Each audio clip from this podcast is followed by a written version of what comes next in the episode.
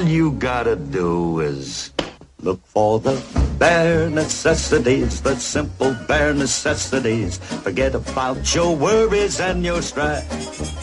I mean, the bare necessities are Mother Nature's recipes that bring the bare necessities of life. Ek weet jy het nou baie lekker saam met hierdie een gesing, The Bare Necessities wat jy hoor in The Jungle Book. Maar wie is die skrywer van The Jungle Book? Sy naam is Rudyard Kipling. some honey just for me. When you look under the rocks and plants and take a glance at the fancy ants, then maybe try a few. You eat ants? Hierdie skrywer is gebore op 30 Desember 1865 in Mumbai, Indië.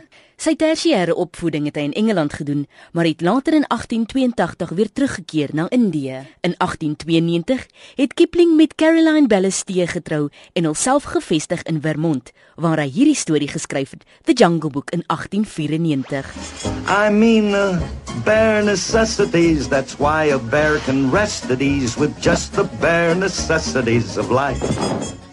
Hy word beskou as een van die groot Engelse skrywers en teen die ouderdom van 32 was hy een van die hoogs betaalde skrywers in die wêreld. The Jungle Book mag dalk een van sy gewilde stories wees, maar hy was mal oor kinderstories, 'n kenmerk wat duidelik in sy skryfwerk is. Ander werke wat hom ook bekend gemaak het, is die storie van The Nolaka, A Story of the West and East, geskryf in 1892, asook The Second Jungle Book, geskryf in 1995. Rudyard Kipling en sy vrou het ook darm Suid-Afrika kom besoek in die vroeë 1898s.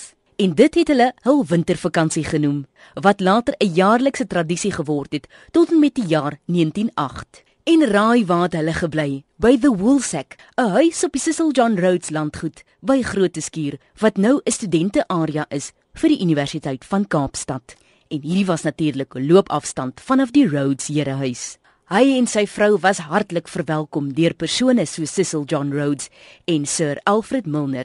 Met 'n volgende besoek na Suid-Afrika in die vroeë 1900s, het hy 'n korrespondent geword vir die koerant The Friend in Bloemfontein. En tydens die periode wat hy deur Suid-Afrika getoer het, het hy baie stories vertel deur sy poësie. Vandaar die bekende gedig Lichtenburg. Joseph Rudyard Kipling het ook groot bekendheid verwerf met 'n ander gedig getiteld F. If you can keep your head when all about you are losing theirs and blaming it on you, if you can trust yourself when all men doubt you, but make allowance for their doubting too, if you can wait and not be tired by waiting, or being lied about, don't deal in lies, or being hated, don't give way to hating, and yet don't look too good, nor talk too wise. Hy het nog geskryf tot in die vroeë 1930s.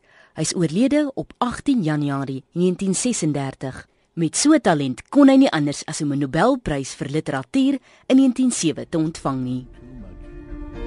If you can fill the unforgiving minute with 60 seconds worth of distance run, yours is the earth and everything that's in it. And, which is more, you'll be a man, my son. Rudyard Kipling, die skrywer wat ook verantwoordelik is vir hierdie tongknoper.